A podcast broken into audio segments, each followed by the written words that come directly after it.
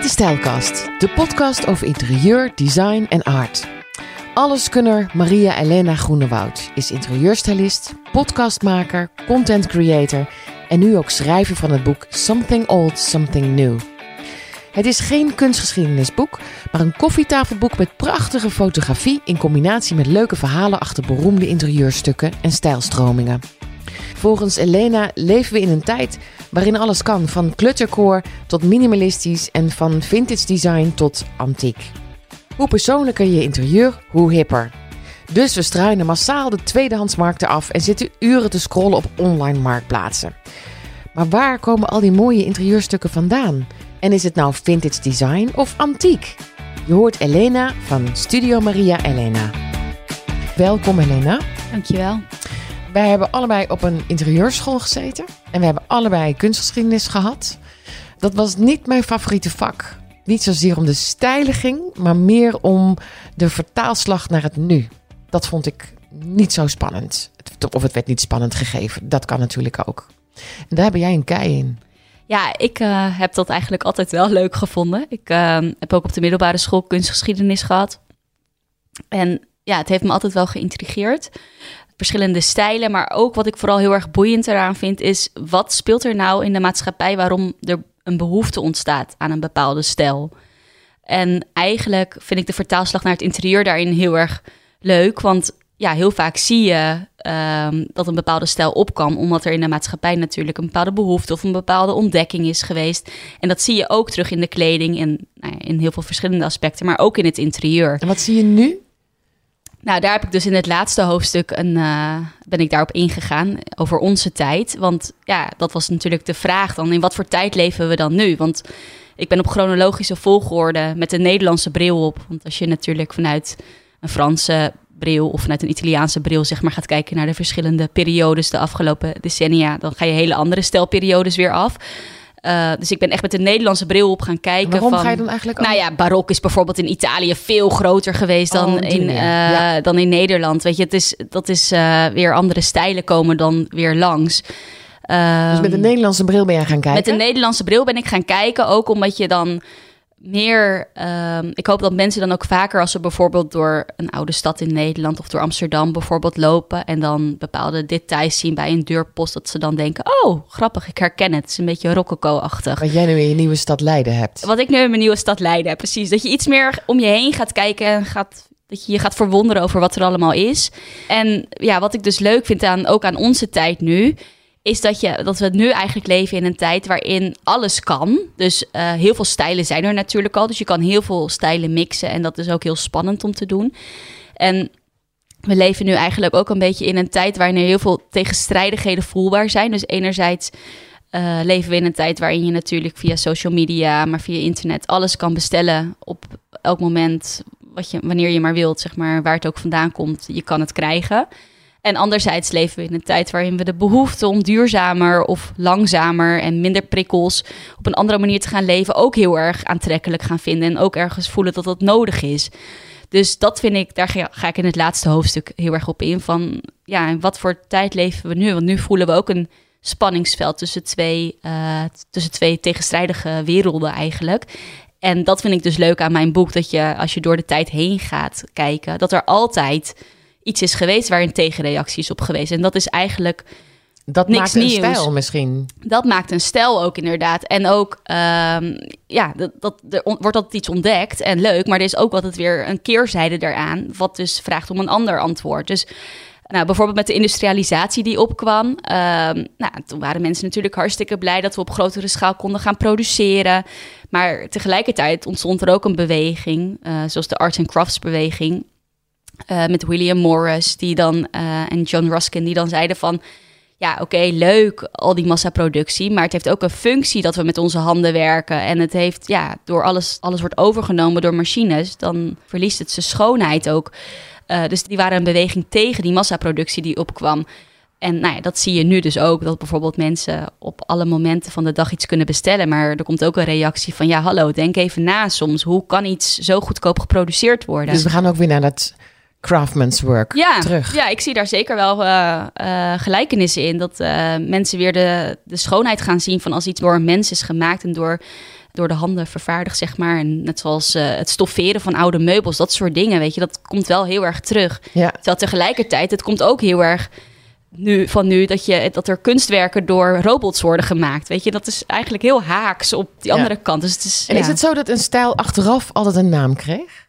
Ja. Ja, hè? Nooit, nooit. Dus we kunnen eigenlijk, nu ook niet zeggen in wat voor stijlperiode, hoe die heet in ieder geval. Nee, nee. Wel dat, er, een, dat er stromingen zijn. Precies, ja. Eigenlijk is altijd een stijlperiode en naam wordt altijd pas later gegeven.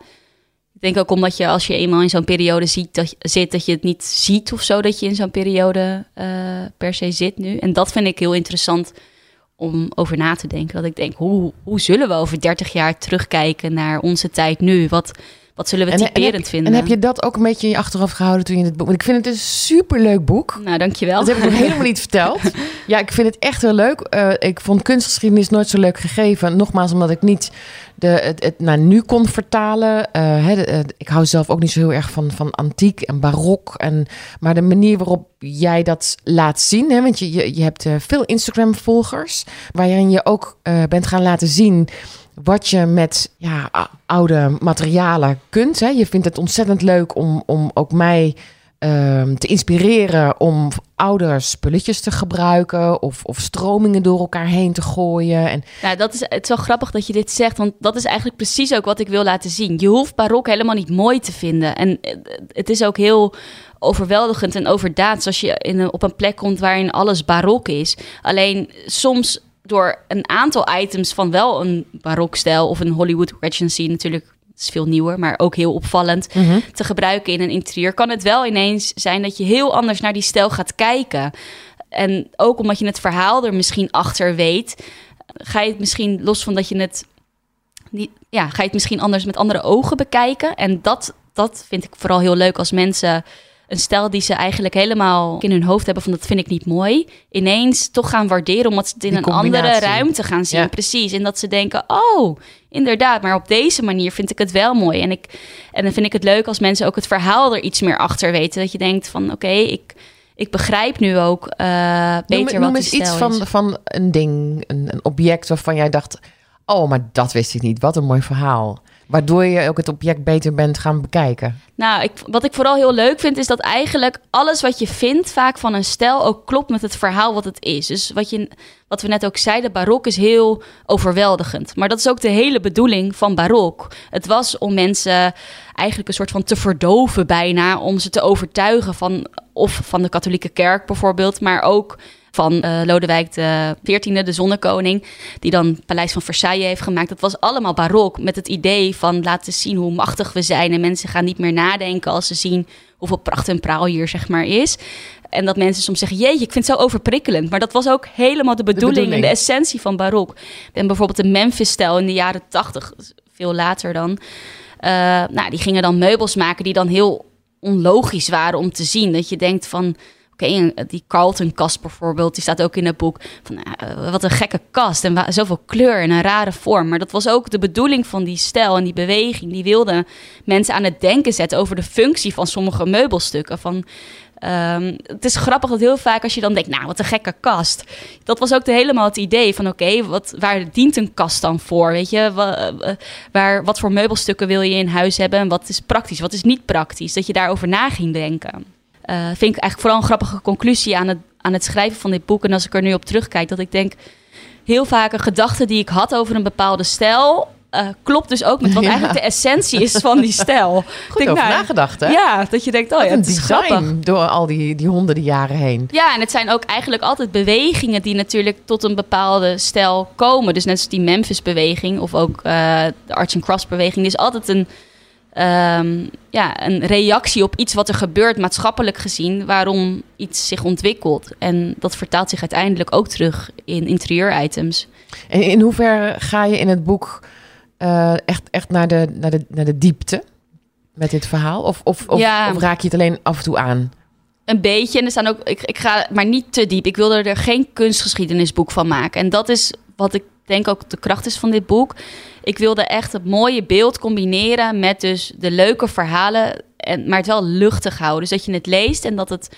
eh, dat je denkt, oh, ik, ik wist dit niet en nu weet ik het wel. En er staan leuke weetjes in. Eh, maar ik denk, het is, niet, het is geen kunstgeschiedenisboek. Dus, want ja, ik heb natuurlijk hele boeken over bijvoorbeeld Rococo gelezen... om dat hoofdstuk te schrijven. Eh, ja, en af en toe dacht ik ook, ja, leuk. Maar nu haak ik ook af, want het is gewoon te, het gaat te diep. En dat wilde ik dus niet. Ik wilde echt de essentie eruit halen. En dat je het leest op een vlotte manier. En dat je denkt, oh ja, ik heb nu een gevoel bij die stijl. En ik snap in welke tijdsgeest het is gekomen. En ik eh, overzie het op een chronologische eh, manier, zeg maar, wanneer wat kwam. Ehm, en dat het eigenlijk, eigenlijk vooral overzichtelijk werd. Nou ja, en weet je, het is zeker geen kunstgeschiedenisboek. Omdat Nee. het is een koffietafelboek, vind ik. Precies. Dus ik heb dat echt willen Wat een combineren. mooie foto's, zeg. Dankjewel. Ja, echt. Ik vind het een ontzettend leuk, mooi boek. De, de fotografie is door, door meerdere mensen gedaan. En dat, dat vind ik dus ook wel knap. Dat je er toch een boek van kan maken met meerdere fotografen... die weer een eigen handtekeningen hebben in veel foto's. Ja. Dat is echt knap gedaan.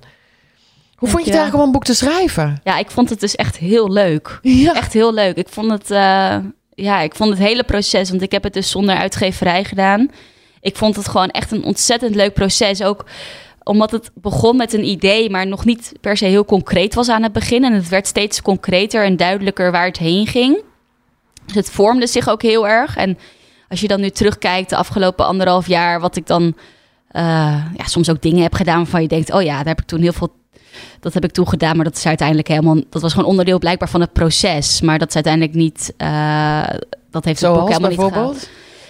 Dat je- Nou, ik, ik weet helemaal aan het begin heb ik toen ook bijvoorbeeld een, een shoot gedaan toen eh, bij, eh, bij mij thuis. En daar zijn uiteindelijk helemaal geen foto's van gebruikt. Maar dat dacht ik, oh ja, dit zijn dan mooie foto's voor het boek. En dan, en dan kijk je dus, omdat je er zo in groeit, kijk je daar dan op een gegeven moment op terug. En dat je denkt, nee, weet je, dit Past is... er helemaal niet bij. Het is veel te Nee. simpel nog, weet je. Het, is, het moet veel, veel duidelijker. Mensen begrijpen het echt nog niet als ze deze foto zien. Dus ja, dat hoort dan allemaal bij de vorming, denk ik, van, Wat van een het boek. tof en proces. het, maar je hebt dus eh, helemaal in je eentje gedaan. Ja, Fantastisch. ja, wel met hele goede cool mensen omheen hoor. En, en, eh, ik heb, en ik heb inderdaad verschillende fotografen gebruikt. Maar ook omdat ik vond dat zeker bijvoorbeeld de laatste hoofdstukken, dat zijn ehm, nou, bijvoorbeeld eh, Space Age. ehm, eh, nou, de jaren 40 tot en met de jaren 80 ga ik dan op het laatst zeg maar over in. En die foto's zijn vooral ook gemaakt door een vriendin van mij, Robin Klaassen. Echt, nou, zij maakt hele mooie foto's, maar ik vond dat dus ook heel erg bij haar stijl passen. En eh, dus ik ben ook wel echt gaan kijken van oké, wat voor fotograaf vind ik eigenlijk ook bij welke stijl een beetje passen. En aan het begin heb ik dus veel foto's van, of van Emma, maar ook van Elisa, ook twee eh superleuke meiden.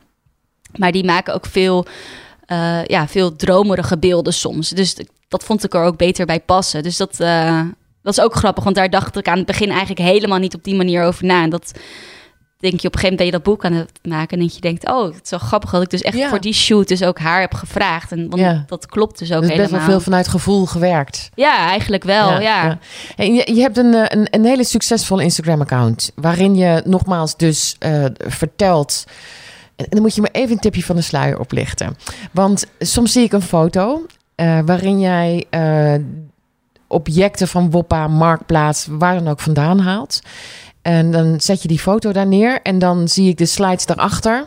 Dat ze te koop zijn op Marktplaats. Ja. De foto's die ik deel in mijn, in mijn Instagram-accounts, dat zijn dan eh, van, van Marktplaats of van Woppa of van Reliving. Het zijn dan gewoon items die ik mooi vind en die ik dan, waarvan ik denk, nou, dit ziet iemand nu en die, die, eh, ja, die vindt dat misschien ook leuk. Maar ik heb er geen plek voor in mijn huis. Dus het is vooral eigenlijk om mensen te motiveren, om te laten zien hoeveel mooie producten er al zijn. En of ze... Maar je hebt af en toe een voorbeeldplaatje. ja, van, oh, dat eens. bedoel je, op Ja, mijn post. Maar hoe ja. krijg je dat voor elkaar dat het met elkaar matcht dan? dan eerst een plaatje en dan denk ik, oh, dit kan ik wel vinden. En dan zoek ik er items bij die er dan bij passen in die stijl. En dan Ja. hoop ik dat mensen vooral net op zo'n plaatje zien dat je denkt, oh ja, grappig, een marmeren onderstel, een glazen eettafel. Dat zou ik echt nooit kopen. Maar als ik het in deze ruimte zie, is het misschien eigenlijk wel heel tof als bureau of zo. Dat mensen daarover na gaan denken. En, waar, dan, komt die, eh, die, waar komt die drive vandaan om dit te willen? Om mensen naar een museum iets anders te laten zien dan alleen maar een barokke stoel. Of als ze door Leiden lopen, dat ze een bepaalde deur zien van ze weten... hé, hey, maar dat is die en die stijl. Wat, wat is de drive? Ik vind het gewoon heel leuk, denk ik vooral. En ik vind het ook heel ontspannend. En dat gun ik eigenlijk andere mensen ook. Dat je gewoon ook geïnspireerd raakt door dingen die er al zijn. We raken zo Mensen halen heel snel hun inspiratie van internet. En natuurlijk ik ook. En dat is ook helemaal niet per se slecht. Maar er zijn ook al zoveel mooie dingen gewoon buiten. En ik weet niet, op een of andere manier is dat ook veel, een veel ontspannere manier om geïnspireerd te raken dan altijd achter een scherm. Dus het is ook gewoon veel uh, leuker en, uh, en rustiger. En ja, ik weet niet. Ik denk, ik denk dat ik daar zelf gewoon heel veel plezier uit haal. En dat gun ik dan anderen ook wel. Dus van kijk eens een keer om je heen. Ik leer het ook heel erg aan mijn kinderen. Weet je, altijd als op de fiets zitten. Ik zeg altijd, kijk naar de gevels. Naar de, naar de gevels kijken. Dus een tijdje geleden zaten we in de tram in Amsterdam. En toen reden we langs het Tropenmuseum. En uh, nou, toen zei ik ook, wat zie je dan bovenaan? En dan zie je bijvoorbeeld zo'n slang. Uh, weet je, bij de kerk zie je vaak natuurlijk een kip, zo'n gouden kip of een... Uh, um, en bij het, bij Tropenmuseum zie je dus een slang onder andere. Nou, en toen zei Philippe, mijn zoontje, zei dus... Ja, ik zie een slang. En toen was er dus een man, uh, die zat ook in de tram, een oudere man, echt een Amsterdammer. En die zei, nou, dat heb ik echt nog nooit gezien. Dus dat is precies wat ik bedoel, weet je. Je, je rijdt elke dag dan in je rondje met de tram en je ziet het dan niet. Dus probeer om je heen te kijken wat er allemaal is. En dat is gewoon heel leuk om... Je ziet de hele omgeving ook anders dan of zo. Ja. Dus, heb, je, heb jij een hele verkeerde studie gekozen in je jeugd? Nee, helemaal niet. Rechten bedoel je? Nee, helemaal niet. Want ik heb rechten met heel veel plezier gedaan. En ik... Uh, vond ook uh, rechtsgeschiedenis of zo, uh, vond ik ook heel, heel leuk. En rechtsfilosofie. Het is veel breder natuurlijk. Recht is best wel een brede opleiding. Heb je er nu nog wat aan? Ja, je hebt er altijd denk ik wat aan. Want ik, ik denk ook dat dat ook... Uh, een opleiding moet je gewoon doen of kiezen, weet je, omdat je het leuk vindt. Maar dat is helemaal niet gezegd dat je dan per se je hele leven vastzit aan, aan die opleiding of zo. Het is een soort ehm, algemene kennis die je opdoet. Ja, dat denk ik wel. En je vormt je ook in de rest van je leven weer met andere dingen die je leuk vindt en andere interesses die zich ontwikkelen. En ik weet ook toen uh, ik eindexamen had gedaan, toen ging ik kijken natuurlijk naar, of vlak voordat ik eindexamen had gedaan, uh, naar wat voor opleidingen ik dan wilde gaan doen. En toen was er wel een interieurontwerpopleiding en die was dan in België, maar, maar daar moest ik dan 18 voor zijn. En ik vond het toen wel heel leuk, maar ik was nog geen 18. En toen dacht ik, ja, uh, nou ja, weet je, ik ga dan niet nu een half jaar wachten of zo. En uh, wat een gedoe. Ik ga gewoon rechten doen. En eigenlijk ergens weer een beetje vergeten. Ja, ik was er altijd wel mee bezig in mijn eigen huis en met, met, met, met mijn kamer. En weet je, dat soort dingen. Dat, ik vond het altijd wel leuk om mee bezig te zijn en naar, uh, naar markten te gaan. En dat heb ik altijd leuk gevonden. Of naar een kringloopwinkel te gaan om te kijken of ik wat, wat zag. Uh, maar inderdaad, echt veel later pas dat ik dacht: oh ja, ik wil hier eigenlijk misschien ook al gewoon mijn werk van maken. Je bent echt een bezig bij. Ja. Want ja, dat content creëren, want je zegt ja, hartstikke leuk hè. Daar voel ik me ook heel, heel, heel relaxed bij. Om, om, om al die mooie spulletjes bij elkaar te vinden en mensen te inspireren. Um, dus dat is wat je doet. Je hebt dit boek geschreven, je bent moeder, je ontwerpt. Hey, maar nou, je, noemt het niet, je bent geen interieurontwerper, zeg je? Nou, ik, ik geef ja, interieurontwerp. Uh, ik geef interieuradvies, maar ik, ik zou mezelf misschien eerder sfeermaker of zo noemen. Dat, ik vind het vooral leuk om de sfeer die iemand graag wil in zijn in de woning. Of dat ik dat begrijp en dat we daar samen aan gaan werken om precies die sfeer te krijgen. Dus... Maar nou heb je, je hebt vijf podcasts gemaakt. Ja. Ook met uh, hartstikke goede uh, interieurontwerpers. Vind je dan dat zij echt ontwerpen en dat jij meer een sfeermaker bent? Denk je niet te licht eigenlijk over je eigen kunnen? Um, ja, misschien. Geen idee. Ik... Uh, um, ik, ik, ik begeleid niet de hele verbouwingen. Dus ik denk dat daar wel een verschil in zit. Um, ik vind iemand die interieurontwerp doet, uh, wel iemand die ook ja, met de leveranciers uh, om de tafel zit. En ook het hele proces zeg maar echt begeleidt op locatie. Dat, uh, dat doe ik niet echt. Ik ga vooral met mensen die of al een woning hebben of gaan, gaan verbouwen. Of en interieurstylist, is dat ook niet een goede term? Ja, ja, dat, misschien is het interieurstylist, maar ik kom dus ook niet per se op locatie langs om het te stylen. Het is vooral dat we samen een plan maken en dat ik vertel hoe ze met welke keuzes die sfeer gaan krijgen. En ik maak natuurlijk een, een shoppinglist, maar dat is in mijn geval ook anders dan bij andere uh, adviseurs, omdat het heel vaak ook tweedehands items zijn. Dus het is vooral ook veel linkjes sturen om te zeggen: joh, hier kan je dit nu halen, hier kan je dat nu halen, uh, dit moet je bieden. Dus dat ik vind het vooral leuk om eigenlijk als ik begrijp wat iemand precies voor sfeer wilt en dat dat, dat lukt. En dat we dat samen ingaan. En En tuurlijk, ik kom ook wel eens bij klanten langs dat ik zeg van joh, weet je, ik help je nu, want uh, iemand loopt helemaal vast. Dat, dat gebeurt ook wel. Dus misschien doe ik inderdaad mezelf tekort door het sfeermaker te noemen. Maar... Het klopt, ik heb een keer een uh, klant gehad, nog niet zo heel lang geleden, en die wilde heel graag mid-century gevoel. Ja, ja, dat heb je niet zomaar ineens. Precies. Daar moet je op zoek gaan naar oude ja, stukken. Precies. Die ene stoel, die moet daar komen te staan. Maar ja, vind hem nog maar eens. Precies. En dat gaat niet binnen een week. Nee. Uh, dat is wat jij, wat jij doet. Ja, dat vind ik leuk. Dus vandaar dat het een, een, een proces is. Je hebt langer contact met jouw Ja, klanten om te komen waar ze willen zijn. Ja, ik heb langer contact en adviseer natuurlijk ook in welke eh, muurkleuren of raamdecoratie of vloer, dat soort dingen. Eh, dat zit er allemaal bij. Eh, en dan welke leveranciers er naartoe kunnen gaan, welke ik zou aanraden, dat doe ik allemaal natuurlijk ook. Maar het is inderdaad, zeker als mensen een bepaalde stijl willen, is het een langer proces. Omdat het gewoon, ja, je moet er tegenaan lopen natuurlijk dat een bepaald item dan in die sfeer past. Dus ja, het is, het is niet heel makkelijk om echt een shoppinglist te maken. Want Nee, het, is, ja. het zijn ander soort items. Ja, eigenlijk meer woorden. Ja, zoektermen soms. En, ja. eh, en als ik het zie, dan zeg ik het natuurlijk meteen. En ik adviseer hem wat dan een goede prijs zou zijn. En waar iemand dan misschien... Maar volgens mij ben je ook wel degene die het, die het onthoudt. Als jij weet Ja, dat iemand nog, nog iets zoekt, Ja. een te klein tafeltje of wat Precies, dan ook, dan weet dat jij... ik. Dit is hem, ja. Ik heb enorm genoten van jouw podcast. Ik vond het ontzettend leuk. Het leek een klein beetje op stijlkast. Hè? Dus, dus ook echt het verhaal horen van mensen die, die bezig zijn in eh, interieur. Wat ik een hele leuke podcast vond. Omdat ik dacht, nou, die wil ik eigenlijk niet horen. Omdat het mijn interesse er niet is. Maar dan ga ik er dus toch luisteren. Want dat vind ik... eh, eh, dat, ja, dan ben ik gewoon meer benieuwd. Dat ging over antiek. Oh, leuk. Ja, dat is, vind ik ook een hele leuke Van podcast. Wildschut in, ja. in Amsterdam. ja. En eh, ik heb met heel veel plezier geluisterd, omdat ik toch weer geprikkeld werd om beter naar antiek te kijken. Nou, dan is het doel in ieder geval behaald. Jouw doel is behaald. Ja, ja. Ja, nee, Wildschut is sowieso ook echt een waanzinnig mooie, Het is een leuke in. Amsterdam. Ja, ja, een zijstraatje van de Elandsgracht zit het. Midden in het centrum, in de Jordaan dus. Het is gewoon echt een snoepjeswinkel. Het is echt een prachtige winkel. Maar antiek, ik weet niet, ik, ik verwonder me er wel over. Want antiek heeft op een of andere manier inderdaad een soort van suffig imago gekregen de afgelopen... Maar het is toch ook iets heel anders dan vintage? Ja, maar het is. Ja, dat weet ik dus niet. Omdat ik ook vaak het gevoel heb dat het door elkaar wordt gehaald. Want je ziet bijvoorbeeld in, in cafés best wel vaak tonetstoeltjes. Maar dat is hartstikke antiek. Dat valt echt niet onder vintage. Dat is. Dat is eh, Oké, wat, is, wat is voor jou dan het verschil?